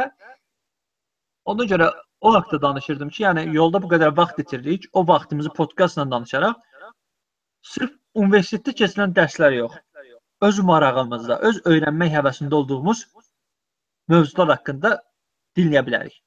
Yəni Mən burada mən istəyərdim ki, danışım e, kitab oxumaqdan, kitabın faydalarından falan, amma hamımız bilirik ki, metroda kitab oxumaq nədir? Ayaq üstə zorla durmaq olur. Bəli, basa-bas sıxılır. Avtobusda onun tayı. Yəni edə biləcəyimiz ən rahat şey qulaqçıqları taxmaq. istifadə edib. Bəli. Yəni, texnologiya. Daha da yəni asanlaşdırır hər şeyi. Hə. Ya podkastları əgər bu bölümü də dinləyən varsa, yenə məsləhət eləyəm, podkasta başlayın, podkast dinləyin. Mahnı dinləmək də yaxşıdır. Amma podkast dinləyən çox olacaq deyəsən. Çünki bütün patok bilir. Artıq e, bu gün indi sənin də patok yoldaşların tanış olacaq 2 günə yeni bölümümüzü paylaşanda. Ümid edirəm onlar da səsimizi eşidər və e, mahnı qulaq asarlar. Yolun 1 saatını mahnı qulaq as, 1 saatını podkast dinlə. Yəni sənin zövqüncə olan bir bölümü dinləmək məncə mahnıya qulaq asmaqdan daha yaxşıdır. İnanmıram ki, televizorda bir filmə baxan vaxtı, yox, filmə baxmayım, indi mahnıya qulaq asım demirsiniz. Asıl filmə baxırsınız. Çünki mahnını sonra da qulaq asa bilərsiniz. Bəli. Onun kimi podkast bir bölümü də, yəni maraqlı olandan sonra açıb indi qulaq asa bilərsiniz ki, mahnıya da sonra qulaq asaraq. Ee, indi qayıdaq bölümümüzə qalaksilərə bunu bir fasilə kimi qalaktikalar haqqında. Qalaktikalara qayıdaq. Qalaktika nədir? Belə başlayım. Başla. Qalaktika nədir? Vahid e, cazibə mərkəzi ətrafına dövr edən nəhəng ulduz sistemi demək olar buna. E, yəni tipik e, qalaktika 10 milyondan 1 trilyona qədər ulduz yəni olur. Günəş sisteminin yəni daxil olduğu qalaktika bildiyimiz kimi süd yolu yəni adlanır. Yəni süd yolu qalaktikası adlanır. Qalaktikalar yəni müxtəlif quruluşda olur. Ellip elliptik, spiral, yəni heç bir formaya malik olmayan qalaktikalar da var. E, yəni kainatın özünün təkəmmülü təkamülünün ilk mərhələsi, yəni e, temperaturun e, 4000 Kelvindən böyük olduğu vaxtda, yəni zərrəciklərin yəni güclü şalmanın qarşı olan plazma mühitində, yəni mühitindən ibarət olub, yəni yarandığı ilk dövrlər. E, qalaktikalar, yəni bizim öz, öz qalaktikamız dediyim kimi stüdyo qalaktikasıdır. Qalaktikaların formalaşması böyük partlayışdan təxminən 3 milyard il sonra başlayır. Qravitasiyanın təsiri ilə, yəni lap cüzi sıxlıq fluktasiyaları atmağa və onların yəni, paylanması dəyişməyə başlayır. E, kainat tədricən məsaməli e, quruluş alır. Galaktik galaktik və galaktikalar e, topları bir cinsli boş mühit ətrafında, yəni saplar şəklində sıxlaşırlar. Yəni tədricən molekulyar buludlar, ulduzlar əmələ gəlməyə başlayır. Sonra planetlər, yəni yəni getdikcə bu yəni qalaktika kainatın yəni yaranmasına doğru yəni gedir bu mərhələlər. E, mən bir, bir məsələ haqqında səndən soruşmaq istəyirəm. Süd yolu nədir, saman yolu nədir? E, süd yolu yəni e, süd yolu yəni bizim qalaktikamızın yerləşdiyi, yəni, yəni bizim qalaktikamız adlanır. Süd yolu və e, saman yolu bunların fərqi deyərdim. E, haqqında süd yolu yəni, yəni adından görüldüyü kimi Samanyolu bizim galaktikanın ümumi yerləşdiyi, bütün ə, ə, necə deyim, süd yolu, ə, yəni saman yoluna daxil edilmiş kimi deyim. Hə, elə e, saman yolu ayrıdır, süd yolu ayrıdır. Yəni elə demək olar. E, bizim Günəş planetinin e, Günəşin ətrafında fırlanan planetlər bir qalaktikadır. Bu qalaktikanın adı Hə, süd yolunda, yəni süd yolu qalaktikası. Süd yolu qalaktikası. Süd yoludur, saman yoludur. Süd. Süd yolu. E, süd yolu qalaktikası. Bizim yəni Bizim kimi, bizim kimi. Bəli. Aha, e, bir çox qalaktikalar var Bəli. ətrafımızda. Bəli. Bunlar da bir yerdə saman yolunu əmələ gətirir. Bəli. Bu nə? Yəni, bəli, bəli. Hə. Yəni Saman yoluna nə Tək deyirlər? yol. Galaktik toplusuna nə deyirlər? o bu ə, necə deyim, matruşka var, yəni onun kimi təsəvvür. Yəni bir-birinin içinə girmiş. Başa, yəni, başa saldım fikrimi. Aha, bir-birinin bilin. içində yəni onun içinə daxildir. Yəni deyim, çoxluqlar kimi təsəvvür eləyin. Yəni A çoxlu B çoxlu içinə daxildir. Yəni saman yolu süd yolu galaktikasından böyükdür. Yəni süd yolu galaktikası saman galaktikasının içinə daxildir. Yəni bildim. E, 12 planet yaraşıb ortada bir günəş qalaktika oldu. 20-30 qalaktika yara bir yerdə yaranıb. Tutaq ki, daha böyüyünü qalaktika toplusunu yaratdı. bəli, yəni. Kimdir ki? Mən bunu ə, çoxluq kimi ifadə edirəm. Başqa yerə nə, nəyə bənzədim? Matruşkaya bənzədim. Yəni insanların təsəvvür edəcəyi bir şeyə bənzətmək istəyirəm. Yəni elə yəni iç-içə olan bir şey kimi təsəvvür etmək olar bunu. E, o haqqda bir məsələ deyəcəydim. Galaktika haqqında bir yaxınlarda öyrəndiyimə görə galaktikaların həqiqətən çox fərqli formalarda Bəli, spiral vari olur. Spiral. Bir formaya malik olmayanları olur. Yəni heç bir massa olmayanlar olur. e, a, axtardığımı tapdım. Yerin mövqeyi. Wikipediyada, Wikipediyada özüm düzəltmişdim bu şablonu. Yer Günəş sistemindədir. Günəş sistemi ha? Siz düzəltmişdiniz. Şa- şablon var Wikipediyada şablon. Bəli. Onu şablonu baxıb türkçədən özüm tərcümə edib Azərbaycanca üçün düzəltmişdim. Nə yazıb Google-da nə yazırlar? Yəni nə yazsaq onu görmək olar sizin düzəltdiyinizi. Həmənki şablon Wikipediyada şablon adı yerin mövqeyidir. Linkini sizə ataram. Bəli. Aha. Bəli, bəli, davam edin. E, şablon belədir. Yer, yer gedir Günəş sistemi, Günəş sistemi gedir yerli ulduzlar arası bulud. O da gedir yerli qabarcıq, o da gedir Qoal qurşağı, o da gedir Orion qulu qolu. O da süd yolunun içindədir. Süd yolu da gedir süd yolu alt qrupu. O da gedir yerli qrupa. Yerli qrupda böyük hissəsi quz qız super küməsi. O da gedir balıqlar, balina super kümə kompleksi. Sonra müşahidə edilə bilən kainat, o da kainatın içindədir. Sadəcə bunun Azərbaycancasında həqiqətən Azərbaycan çox Yəni böyük problem çox var. düşməyiblər. Yəni çox geniş məlumat yoxdur Azərbaycanca, yəni o tapmaq, araşdırma. Yəni daha çox bu haqqda yazanda, araşdıranda ya ingiliscə yazıb araşdırmaq, Nature Wild'ın, Discovery-nin, NASA-nın öz saytlarından məlumat əldə etmək daha e. Wikipediyanın özündən də, ingiliscə Wikipediyanın özündən belə geniş şəkildə məlumat almaq olar. Bəli. İnternetdə bir kəsinti oldu. Hə, e, düzəldi. Qalaktikaların vəziyyətləri dedik ki, həqiqətən çoxlu formada vəziyyətləri var. Hətta belə deyim, o qalaktik vəziyyətlərində hərflər, hərflər yaza bilərik. Formalarına görə. E, deməli, burdan refer aha, burdan referat referans verim. İstəyən sırf qalaktikaların formaları haqqında e, Muhabbet teorisinin 12-ci bölümü. E, Galaktik Muhabbet adlı bölümdə dinləyə bilərlər. Orada galaktik formalar, galaktikaların formaları, çeşidləri, görünüş olaraq bölmələri spiralvari olsun, mərcəkli olsun, Formasız olsun, formasız olsun. Hər bir haqqında ətraflı hardasa 1 saatlıq bölümdür. Yəni onu dinləyə bilərlər istəyənlər yeni məlumat üçün. Oradan aldığım bir şey var idi ki, galaktik hər birinin özünün forması var. E, o formalarda bəziləri hərflərə oxşuyur. Bir sayt düzəltmişdilər ki, hərflər vasitəsilə istədiyimiz sözü yaza bilək. Mən də bu bölümün adını Axtarın adam Galaktik səs. Galaktik kimi yazdım. İndi bölümün şəklinə yerləşdirəcəm onu. Linkində qoyacağam. İstəyən istədiyi sözü galaktik hərflərlə yaza bilər. E, istəyən də o bölüm haqqında ətraflı dinləyə bilər. İndi onu danışdım. Sən də o haqqda dedin, təsdiqlədin əsas odur ki, o formada planetləri, Qalaktikalar. galaktikaların formaların həqiqətən fərqli olmağını. Hə, ingiliscədə tapdım. Solar sistem, Yəni solar Lokal- sistem, günəş sistemi gibi. local interstellar cloud, yerli ulduzlar buludu. Ulduzlar arası lokal Hər bubble. şeylə yəni maraqlanmışam bu planetlər hamısı ilə.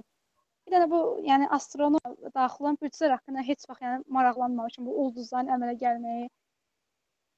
Biraz o Allah, Allah. Qəşəng yerə toxundun çünki elə dünən o haqqda oxuyurdum. E, nə lazımdır məlumat verə bilərəm. Gəl Yəni o, astro bəli, bəli. e, belə deyim. Tevfik Uyarın hansı ki muhabbet gəlmir. teorisi deyirəm. Aha, Hə, indi səs gəldi, bəli. Bəli, gəlir. əla. E, Tevfik Uyarın hansı ki muhabbet teorisi bayaqdan haqqında danışdığım bölüm, onun aparıcısı. Astrolojinin bilimlə imkanı adlı bir türkçə kitabı var. Yəni ən Astro- qorxduğum şeydir. Bilirsiniz niyə bu haqqda maraqlanmıram? Yəni öz ixtisasımı bitirdikdən sonra, yəni astrofizik kimi işləmək istəyirəm. Yəni hərdən bu haqqda deyəndə, yəni e, belə bir qırağıdan şey gəlir ki, bürcləri zədə təhlil edən birdən düşmənlər, o yəni dolayırlar yəni kimi bir şey olur. Yəni ona görə Axırda- sahildə Fikirləşsən də ki, işə girdim. Hə, mən planetləri araşdıracağam. Gəldə verdilər. Hə, araşdır bala. Venüs aya yaxınlaşanda boğa bürcündə olanların bəxtinə nə gəlir? bəli, yəni ona görə yəni bu biraz məndə e, necə deyim, antipatiya yaradır. Yəni simpatiya yaratmadığına görə yəni araşdırmıram. Onda sənə xoş bir xəbər verim ki, bunun onunla heç bir əlaqəsi yoxdur. Kökünün bir əlaqəsi var ki, o haqqda indi danışacağam. Sonrasının ümumiyyətlə heç bir əlaqəsi yoxdur. Bu nə deyirdilər bu burc burcları nə deyirlər ümumiyyətlə? Astronomiya yox. Hmm, Astroloji türkçədir. Deyirlər, nə deyirlər? Twitterdə Türkçəsi gördüm. astrolojidir. Azərbaycanca söz özünü tapmadım. Astroloji sözünün Azərbaycancası. Yəni mən də tapa bilmədim. Göy cisimləri haqqında, göy mən də bilmirəm. Azərbaycanda çox sözlərsin tapmaq olmur. Yəni Astroloji Bir dəqiqə astroloji yazıb Wikipediyada baxsam Azərbaycancası da astrologiya. Yoxsa astrologiya. astrologiya, yəni ola bilər. Hə. Hə, astronomiya, digəri də astrologiya. Astronomiya elmin adıdır. Astrologiya, astrofizika onun içindədirlər. Yəni bir-iki hərf fərqi var orada. İndi bu astrologiya güclərdən Astronomiya- danışan deyil. Bəli, bəli. Astrologiya, Astrologiyanın xeyr, əslində xeyr. Astrologiyanın elmlə əlaqəsi yoxdur. yoxdur. Yox, əslində astrologiya elm deyil. Elm sözündən yaranıb. Bəli. Var oxşuyur. Bəli, bəli oxşuyur. O Yunan Ha, latində logos. as- Belə deyim. Astronomiya, Astronomiya astronomiya tutaq ki, yer planetlərdən danışırsa, astrologiya əslində planetlərin insanın üzərində təsirindən danışır. Və e, referat verdiyim kitab astrolojiyanın bilim imtihanı kitabı. Həqiqətən bunun bir elm olmadığını göstərir. O haqqda sənə belə bir şey deyim. Kökə da gedir, çıxır. Keçmiş planetlərin bizim müşahidəsi. Bir insanın həyatı tutaq ki 100 ildir. 100 il ərzində edə biləcəyimiz müşahidələrin səmaya baxıb müşahidə eləsək görərik ki, Günəş hərəkət eləyir, e, planetlər hərəkət eləyir, ay hərəkət eləyir, qalan hamısı yerində dayanıb. Yəni 100 illik ömrümüzə Günəş e, digər ulduzların hərəkətini sıxışdıra bilmirik. Ya da o qədər kiçik olur ki, yəni 5 yaşında görmüsən, bir də 90 yaşında, yəni yadında qalmır da ki, o nə qədər hərəkət edir. Bəli, bəli, bəli. Aha. Ona görə keçmiş dövrlərdə, yəni hətta e, yerin mərkəz olub digər planetlərin, günəşin belə onun ətrafında fırlandığı dövrdə. Yəni günəşin ətrafında yer yox, yerin ətrafında günəş fırlandığı dövrdə. Elə fikirləşdi, fikirləşilən dövrdə. Ha, yer kürəsi formasında olmayan düz olan dövrdə belə deyək. Hə, hə. Dövrdə. E, səmaya baxırlar və ulduzlar görürlər. Çoxlu ulduzlar var. Və tərpənmirlər. Yəni 5 il sonra da baxır ki, eyni yerdədir. Bu ulduz topaları bir şəkillərə oxşuyur. Yəni baxırlar tutaq ki, bu ulduz topası bir yerdə qalıb, bunu adlandırırlar. Yəni belə deyim. Öz dilimiz, öz dilimizdə öz dilimiz, yəni özümüzün anlayacağımız formada koordinat var ya coğrafiyada. Bəli, bəli, koordinat. Onun kimi bunları koordinatlara bölüblər. Yəni e, baxıblar, hə, bunlar hamısı bir yerdə qoça oxşuyur. Bu qoçdur. Bu əkizlərdir. Bu xərçəngdir. Bu tərəzidir falan filan. Belə bu formada adlandırıblar. Amma hamısını adlandırıblar. Bütün hamısını. Yəni sadəcə 12 dənə deyil onun sayı. Daha çoxdur. İndi bu Niyə 12 götürürlər? bu 12 gö- tanıdığımız 12-nin nə olduğunu deyim. Günəş il ərzində hərəkət eləyir. Yəni əslində biz hərəkət eləyirik. Bizim gözümüzdə günəşin görünmə yeri fikirləş. Bax günəşə baxırsan. Bəli. Arxasında da ulduzlar var, amma sən ulduzları görməsən də bilirsən ki, arxasında ulduzlar var. Bəli. Tutaq ki, indi hal-hazırda günəş e, tərəzi bürcünün ulduzlarının qabağındadır. Yəni mən günəşə baxıram deyə tərəzi bürcünü görmürəm. Aydın oldu. Yer, aha, yer planeti hərəkət edir. Günəşin ətrafında fırlanır. Biraz fırlanandan sonra, tutaq ki, 2 ay sonra, 1 ay sonra sən günəşi üzə biraz sağdan görürsən axı.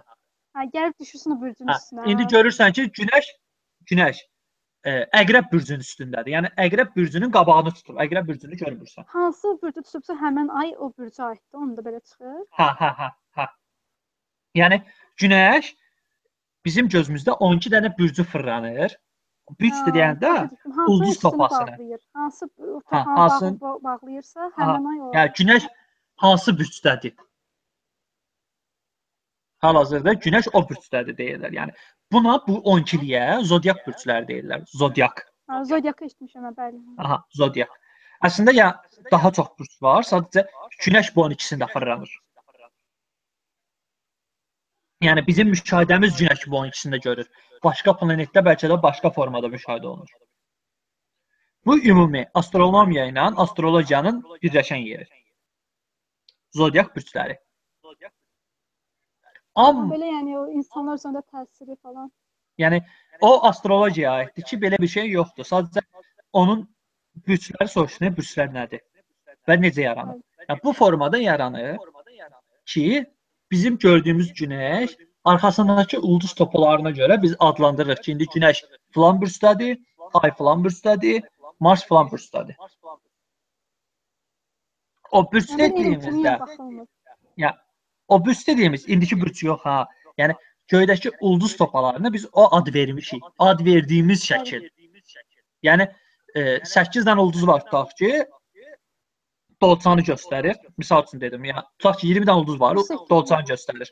Günəş o 8 ulduzun qabağındadır. Sadəcə o ulduzları, yəni, yəni biz o ulduzları görə bilmirik. Ya da ki səmaya baxırsan, indi Yupiter. Ətrafında 5 dənə ulduz var. Tutaq ki o 5 ulduz əslində 20 ulduzdur və tərəzi bürcüdür. Yəni ona tərəzi şəklini oxşadır deyə tərəzi burcu deyirlər. Bəli, bəli. Hə, yəni onu deyirlər ki, Yupiter tərəzi burcundadır. O sadəcə e, keçmiş dövrlərdə yerin ətrafında bütün planetlərin fırlandığını düşünürdülər. Bəli. Ona görə yəni, elə- yer düz, yerin düz olduğunu fikirləşirdilər. Hətta öküzün üzərində dayandığını. Yəni onların inancı bu idi. Bütün Bəli. kainat insan üçün yaradılıb.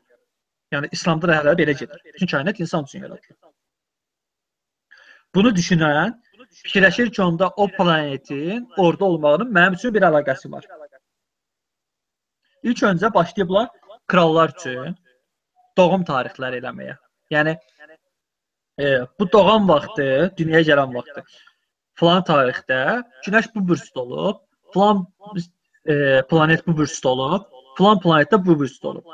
Bizim müşahidələrimiz onu göstərir ki, ulduzlar yerində qalsa da bütün planetlər hərəkət edir və e, onlar da düz şəkildə hərəkət eləmir. Niyə? Çünki yer əslində əslində yer planeti də hərəkət edir, tutaq ki, Yupiter də hərəkət edir. Biz Yupiterin formasını, hərəkət formasını Günəşdəki kimi görmürük. Başqa formada görürük. Bizə görə tam dairə formada hərəkət edə bilmir. Etsə belə biz onu tam dairəvi formada görə bilmirik. Yəni, prizma, yəni baxış, yəni Aha. e, Baxış formasına görə. Ona görə də o indi ox atandadır, sonra oğlağa keçib sonra təzədən ox atana qayıda bilir. Dolçaya keçməyə bilir. Yəni göydəki hərəkətini deyirəm. Misal üçün dedim sadəcə. düşdüm. Onu fikirləşiblər ki, günəş kimi hərəkət etmirsə, deməli bunun bir önəmi var. Orada durursa bu məna verə bilər, burada durursa o məna verə bilər. Sadəcə e, buranı yekunlaşdırım. Zodiak bürcü əvvəl var idi. Və insanlar başlayıblar krallara, böyük şahlara, böyük adamlara həyatlarının necə olacağı mənada ümumi bir şey deməyə. Bürclərə baxıb. Daha doğrusu planetlərin hansı bürcdə olmağına baxıb, doğum tarixinə baxıb. Sonradan 1930-cu illərdə artıq başladı e, sırf qəzetlərə çıxmağa, qəzetdə yayılmağa. İnsanların marağı artdı, insanlar qəzet oxudu. Sən necə? Bizdə ego deyilən bir şey var. Yəni mənə maraqlıdır, mənə aid olan şeylər. Mənim haqqımda olan şeylər. Hə, yox, mənə mənim haqqımda olan şeylər. Hə, Tutaq ki, hə, mən dünyaya gələndə sadəcə günəş o ulduz küməsinin, ulduz toplusun qabağında olub. Deməli, onun mənə bir önəmi var imiş, mənə bir təsiri var imiş kimi düşünə bilərəm. Sonra bu qəzetlər 1930-cu illərdən daha çox başlayıb çıxmağa, bir-biri ilə yarış eləməyə başlayıblar. Hamı qəzetdə bir bölümə ayırıb ki, günlük astronomiya falları. Astrologiya daha doğrusu üzr istəyirəm. bugünkü gündəki Astrologiya. Instagram, Twitter, hər yerdə yəni televizorda. Burt bürt bürt falları. Bəli. Başlayırlar o yayılmağa. Niyə daha çox yayılıb? Çünki insanlara maraqlı gəlib. İnsanlar qəzet almağa başlayıb o dövrdə. Qəzetdə küllü miqdarda pul qazanmağa başlayıb deyə bunu davam elətdiriblər. Bugünkü dövrümüzdə də artıq sırf qəzetdə işləməsə belə hər hansı biri durub o haqda bir Twitter hesabı açıb ya Facebook hesabı açıb səhifəsi açıb böyük bir kütləyə xidmət edə bilər. Yayğındır, hamında maraq dairəsindədir. Ha, hamının maraq dairəsindədir. İndi bunun yaranmasını bildik. Kökü gedir hara çıxır? Zodiak bürcünə çıxır və Zodiak bürcünü niyə yaradıblar, onu da bildik. Amma bunun həqiqət olub. Yəni Elm deyil. günəşin indi Bir elm deyil astrologiya. Yəni as elm deyil. elm deyil. Yəni Niyə elm deyil? Bir şeyin elm olması üçün bunun bir həqiqətən köklü mənbələri olmalıdır. Yəni elm deyəndə tutaq ki, astronomiyadan danışırıq. bəli, bəli.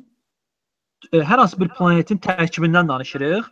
Bunun sübutları var, faktları var. Testləri var. Tutaq ki, fizikadan danış, e, üzr istəyirəm. Psixologiyadan danışırıq. Hər hansı bir şey deyirik. Bunu oturub araşdırırıq. Testlər eləyirik, kütləvi yoxlanışlar eləyirik, Eksperimentlər aparırlar. eksperimentlər aparırıq. Amma astronomiyada bu edilmir. E, üzr astrologiyada bu edilmir. Üstəgəl alimlər yenə də hər ehtimala qarşı bəlkə e, Dolça bürcündə doğulmaq e, Qot bürcündə doğulmaqdan iş baxımından daha üstündür mü deyib bir araşdırma eləyirlər. Yəni astrolo astrologiyaların, astrologiya elmindəki məşğul olan bu e, ulduz falı, gün hər gün ulduz falı deyən adamlar dediyi sözləri yığırlar bir yerə və üzərində araşdırmalar edirlər. E, referans verdiyim kitab Astrologiyanın bilimlə imtahanı kitabını oxuyanda orada hardasa 20-yə yaxın elmi araşdırmadan söz açır və hər biri bu bunun bir elm olmadığını, sadəcə yalandan ibarət olduğunu, e, aparılan testlərin nəticəsini təsadüfi şəkildə də eyni edildikdə eyni nəticənin gəldiyini göstərir. Yəni belə deyim. Bir astroloq deyir ki, ki, tutaq ki, Buğa bürcündə doğulanlar daha çox həkim olur, tutaq ki deyirəm. Misal misal üçün. Sonra Buğa bürcünü araşdırırlar. Buğa bürcündə olanların e, daha doğrusu həkim olanların bürclərə görə ayrılırlar. Görürlər ki, heç bir bürcün digərinə görə böyük bir üstünlüyü yoxdur. Yəni böyük bir araşdırma aparırlar. Hardasa 14 min nəfərlik bir e, psixoloq e, siyasətçi kütləsi götürürlər siyasını. Onları araşdırırlar ki, bürclərə görə heç bir fərqlilik yoxdur. Yəni siyasətçi olmaq üçün hansısa bürclü olmağına ehtiyac yoxdur. Və yaxud əslində heç bir iş üçün. Yəni bürclərin uydurduqları bu məlumatların həyatımıza heç bir təsiri yoxdur. Yəni bu bir elm deyil Bəli. və dedikləri bir Bəli. fakt deyil. Bu bir elmdir. Və... Bunu yəni insanlar başa düşmür. Məsələn, mən astrofizik deyəndə, yəni birinci, yəni planetləri, hər şeyi qoyurlar qırağa, büclərə yəni yönəlirlər. Yəni, yəni astro büclər, hə, düz deyirsən. Yəni büclər haqqında maraqlananlar astrologiyadır, astrologiya və astrologiyanın elmlə əlaqəsi yoxdur. Yoxdur. Yəni amma insanlar çox yəni bunu ayırd etmirlər. Yəni mən astrofizikəm deyəndə, ya da o sahəyə marağım var deyəndə birinci sualları bürclər haqqında olur. Yəni fərqi yəni anlaya bilmirlər. Yəni bir elm olmadığını, yəni ə, hələ yəni necə dərk eləyə bilmirlər. Dərk eləyə bilmirlər, bəli. Ola bilər. Bu bölümü dinləyənlər artıq ümid edirəm ki, anladı bunu. ə, yəni həqiqətən hələ də astrologiyanın bir elm olduğunu, güclərin həyatımıza həqiqətən təsir elədiyini düşünənlər varsa, e, Tevfik Uyarın Astrologinin bilimlə imtahanı kitabını alt başlıqda budur. Yıldızlar sizə nə söylemiyor? E, bu kitabı oxusunlar. PDF formasında yəni əldə etmək olar mı? Yox, e, kitab təzə çıxıb 2015-də çıxıb. Ona görə satışdadır hələ.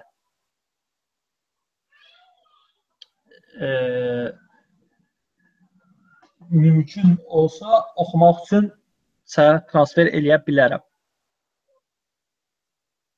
Olar. Necə eləyəcəm? Tanış bir adam var idi, sənin də tanıdığın. Ona zaten verəcəydim. O da almaqsa sənə verər. Olar. Olar, nəysə.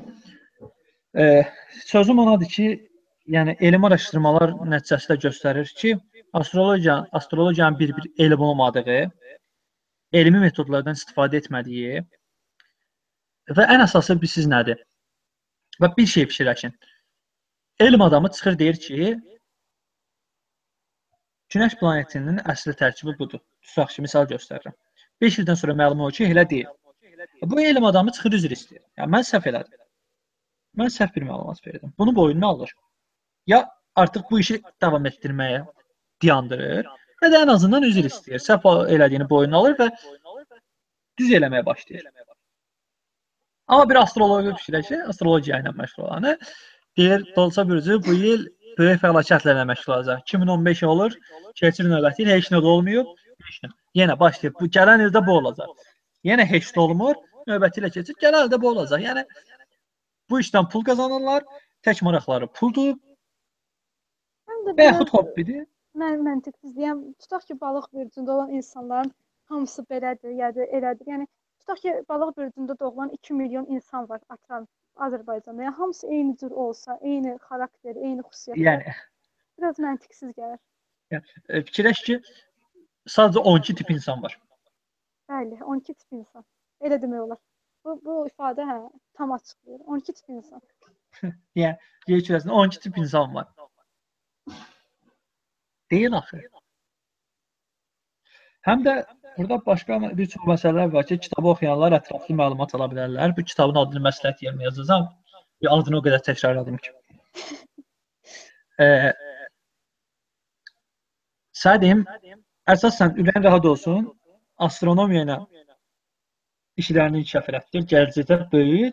Heç kim sənə e, Yupiter planetinin hansı bürcdə olduğunda Qos bürcünə nə təsir edəcək deyə soruşmayacaq səndən ya da işin bu olmayacaq. İnşallah. Yəni ürəyin rahat olsun. Allah. burada iş imkanları dairəsi, yəni bir də Şamaxdakı rəsədxanadan başqa ağlıma heç nə gəlmir. Şamaxıdakı Şamaxıdakı rəsədxana. Əslində belə bir şey fikirləş. Azərbaycanda işləyib. Nəsə eləmə imkanı, məsələn, nəsə eləmə imkanın da daha çoxdur. Bəli, Nə yəni mənada deyirəm? Azərbaycanlılar heç nə elə bil bilməyib deyə deyirəm. Yəni sənin elə deyin orta ölçülü bir uğur böyük bir uğur sayılacaq. Bəli, yəni burada ilk dəfə yəni mən eləmiş sayılacağam. Mən də o fikrinə razıyam. Məsəl üçün mən Hindistana getsəm, oradakılara nəzərən yeni bir şey eləmək. Camaat elə-. Aya çıxır Hindistandaşlar nədir? Bəli, bəli. Burada eləmək oradakıya nəzərən daha e, böyük uğur kimi gələcək. Bəli, mən də o fikrinə razıyam. Yəni əsas odur ki, bunu sənin patok yoldaşların dinləyici dinləyəcəklər deyə fikirləşib deyirəm. Əsas hamınızda odur ki, eləyəcəyiniz işi sevin. Elmlə məşğul olursunuz deyə elm əsaslarına önəm verin. Yəni mənbəsi olsun, test eləmək olsun. Yəni bir şey tapanda bu e, belə deyim, elmdə belə bir şeydir. Amerikanlılar bir şey tapsa, tutaq ki, falan bir planet tapsa, o dəqiqə bunu dünyaya açıqlamır ki, bunu tapdıq. Təsdiq. Çinə, Çinə, Hindistana, başqa ölkələrə də məlumat göndərir ki, siz də yoxlayın. Siz də elin görək eyni nəticələri tapacağıqmı? Hmm. Hə, eyni nəticə tapırsınız. Onsuz da birinci mən tapmışam, yəni mən açıqlayacağam. Əvvəlcə yoxlayır. Mənim adımdan çıxacaq. Yəni sən də elə yoxsa gör düz tapmışam, bəlkə mən səhv tapmışam. Bəlkə mənim işlətdiyim aparatda səhvlik var. Bəli. Yəni ona görə o dəqiqə bunu elə aləmə yaymaqdansa, Ə, şey təzə tapmışam egoist hisslər birinci mən. Hə. Yəni elə bir şey olmasın. yəni zaten bunu sən tapdın. Sən tapmısan. Şo. Bunu Çinliyə deyirsən, o yoxlayır. Çinli də deyir ki, sən filan kəs deyib mənə yoxla. Yəni sən demisən, sən tapmısan. Yəni heç kim burada sənin adına girməyəcək. Müəyyən ölçülər var ki, ehtimal olduqların, onları edəcəksən və başqalarının da köməyinə istifadə edəcəksən. Bir şey tapmısansa, qoy bunu başqaları da yoxlasın, tapdığını is- isbat eləsin, əmin olsun, ondan sonra bunu gəl. Nəysə, siz hardan hara gəldim? E, sizə məsləhət verirdim ki, nə həddimə, amma yenə də Söhbətin içindən söhbət fikirlərimi deyim. E, gələcəkdə bu işin dalınca gedin. Azərbaycanda da artıq hələ də çox aşağı sayda maraq olsa da, ən azından yaxın ölkədə, Türkiyədə çox böyük maraq var. İstəyirlər, nəsə eləmək istəyirlər. Yəni, Azərbaycan hələ də etməsə də Türkiyə inanıram ki, yaxın illərdə nəsə edəcək bunun üçün. Bəli, təəssüf ki, çox vaxt ə, fizika fakültəsinə daxil olan, yəni ümumi fizika, fizika şünaslıq fakültəsinə daxil olanlar, ə, yəni girmək xətrinə, yəni instituta girim, bir ə, ah- əsas odur, yəni girim məqsədi ilə giriblər. Yəni maraq dairələri yoxdur. Yəni yola vermək məqsədi ilə. Yəni çox vaxt buranı qurtarıb heç, yəni bu işin dalınca getmirlər, ixtisas artırırlar. Və da yəni heç bu işlə peşə ilə əlaqəsi olmayan ixtisaslar seçirlər. Yəni biraz adamda təəssüf hissi doğurur ki, yəni bu boyda yəni ixtisas oxuyasan, e, planetlər, astrofizika ilə maraqlanasan və yəni sonda heç bir heç birindən istifadə etməyəsən, yəni dəyişəsən. E, düz deyirsən. Belə deyim də Azərbaycanda heç sırf o ixtisas yox. Hər il 40 min nəfərə yaxın adam universitetə daxil olur. Bəlkə də yəni rəsmi məlumat demirəm. Öz fikrimə deyirəm. Bəlkə də 30 mini, 20 mini sadəcə universitetə girməli ilə girir. Bəli. Heç onun bir, bir çoxu universiteti bitirə bilmir. Vaxtında ayılır, çıxır. Ya çox aşağı nəticələrlə bitirir. Da yəni bildiyimiz kimi də ixtisasını davam etdirmir. Mən özüm elə onlara nümunə. Yəni, açıq nümunə. Mən iqtisadiyyat üzrə oxuyuram. Sənaye mühəndisliyi oxuyuram. Ya həm yarım mühəndis, yarım iqtisadiyyat. Amma radioçuluq edirəm. e, gələcəkdə də Android developer olacağam, yəni o üzərində işləyirəm, o sahə üzərində. Əsl yəni istədiyiniz ixtisasa, yəni peşəyə doğru yəni getməkdir. Gedirik. İndi sizin potokda da ümid edirəm ki, bu ixtisası əvvəldən də olsa, sonradan da olsa, hal-hazırda bu saniyə sevənlər var. Bu ixtisası istəyənlər var. Bunu öyrənmək. Onlara arzu edirəm ki, ümid edirəm ki, bu istəklərin ardınca gedər və gələcəkdə önəmli olan yerlərdə, önəmli yerlərdə, önəmli hissələrdə, önəmli mövzularda özlərini taparlar. Bura artıq vəzifə məsələsi də olsun, elmi dərəcə məsələsi də olsun, nə isə kəşf etmək də olsun. Yəni hamısı daxildir. Ümid edirəm ki, nəsə eləyərlər. Təki bunu istəsinlər, inansınlar və əllərindən gələn hər şeyi eləsinlər. Yenə də qayıdıram, son nəticədə də etdikləri işi elmi təcrübələrə, elmi əsaslara və elmin sübutlarına dayanaraq etsinlər. bir də Yalan işin içinə yalan qatmasınlar. Və bir də tələsməsinlər. və bir də e, bunu həmişə e, fikirləşirəm. İndi bugünkü günümüzdə yəni bizim kəşflər dövrünün sonunda olduğumuzu yəni fikirləşirlər. E, mən e, oxuduğum digər yəni mədəniyyətşünaslıq fənnində bir cümlə yadımdadır. Deyir, e, böyük imperiyalar, böyük mədəniyyətlər e, nə vaxt ki fikirləşirlər ki, biz e, mədəniyyətin, elmin pik nöqtəsinə çatmışıq. Yəni onların yəni zirvəyə çatanda, dağın zirvəsinə çatanda sonra uçurum gəlir. Yəni nə vaxt onu fikirləşirsənsə, yəni nə vaxt özündən razılaşırsansa, çökürsən, daha da yəni itirirsən. Yəni bugünkü gündə biz fikirləşirik ki, kainatın bu hissəsində bir atomlu nüvə, yəni bir nüvəli atomlar var və yaxud da ki, yəni yəni neytronlar, yəni var. Biz belə fikirləşirik. Amma ola bilər ki, kainatın o başında digər hissəsində ola bilsin atomun iki nüvəli atomlar olsun, daha başqa cür quruluşlu e, molekullar, maddələr olsun. Yəni insanlar e, kəşflərin bitdiyini və yaxud da hər şey kəşf etmişik kimi hissə qapılması, qapılmalarını istəmirəm. Yəni elə düşünmək, elə eləmək elmin inkişafına, tərəqqinin inkişafına Azərbaycanda da əsas e, ləngiməyə səbəb olur, daha da geriyə salır.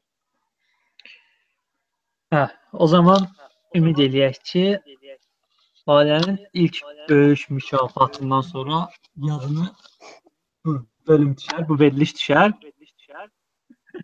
İnşallah. Onda axtaran adam adı ilə olmasa da başqa bir verilişim olacaq yəqin ki. Bu verilişə təkrar qonaq çağıracaq. Amma indi el, nəvətim elm adam olsa. kimi. Bəli. İlk elmi nailiyyətim olsa siz çağırmasınız da mən sizə xəbər verəcəm. Ki bax dediniz, olsun olsun oldu. Ümid eləyək. E, Məncə çox danışdıq. Bəli. Səndə dəqiqə göstərir? Dəqiqə, yəni 1 saat yarımdan çox var. Maşallah. Saata baxıram hə. Hardasa 1 saat yarım. Bəli, söhbət yəni hələ çox mövzular qaldı düzü. Amma danışdıq. Çox geniş mövzudur bu astronomiya. Danışa bildiyimiz qədər danışdıq, da- verə bildiyimiz qədər məlumat verdik. Bir neçə referans verdik. Həqiqətən maraqlananlar bu referanslardan istifadə etsinlər, daha çox öyrənsinlər. Bizim köhnə bölümlərimizi də, növbəti bölümlərimizi də dinləsinlər. Evet, Ə, Facebook Dəvətə görə çox sağ olun. Təşəkkür edirəm ki, məni yəni qonaq kimi dəvət elədiniz, yəni layiq gördünüz deyərdim. Təşəkkür edirəm. neçə vaxt idi? Sən harda fa- vaxt tap, ta- İmtahanlar. Səs yazma eləyə bilmirdi. Hardasa 1 aydı ya 2 aydı. Bir aydan çox olar.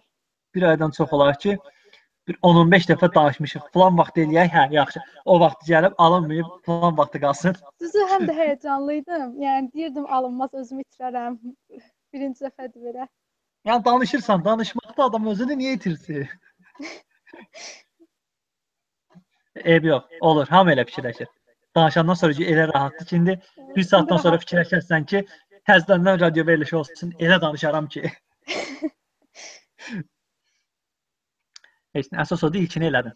Bəli, sizinlə. İlk röportajını verdin. Əla. E, son sözlərin dinləyicilərə.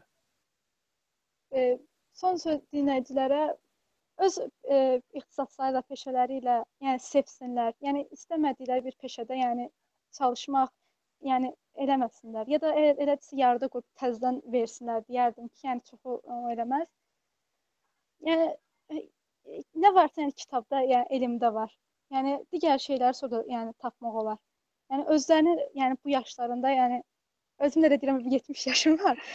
E, oxusunlar, yəni inkişaf etsinlər. Təkcə elmi kitab yox, yəni bədii kitablar da oxusunlar. Yəni dünya görüşlərini artırsınlar. E, nəinki kitabla, həm də musiqi cəhətdən, yəni yəni dünya görüşlərini artırsınlar. Və bir də bir daha yəni sizə dəvət etdiyinizə görə təşəkkür edirəm. E, əziz dinləyicilər, Axtaran adamı dinlədiniz. Qalaktik Səs adlı bir bölümü dinlədiniz. Bölüm haqqında suallar, materiallar aşağı mətn hissəsində olacaq. Bölüm harda dinləyirsinizsə, aşağıda mətn var. Orada referanslarımızın adlarını qeyd edəcəm. Twitter, Facebook üzərindən takip edə bilərsiniz. Twitterdə daha çox aktiv oluruq. Oradan izləsəz daha yaxşı olar. E, Ask FM-də suallarınızı verə bilərsiniz bizə. Mixcloud üzərindən, iTunes üzərindən və yaxud hansısa bir sistemdə podkast proqramı üzərindən abunə ola bilərsiniz. YouTube üzərindən rahatlıqla dinləyə bilərsiniz. Axtaran tapar deyək. Təşəkkür edirəm.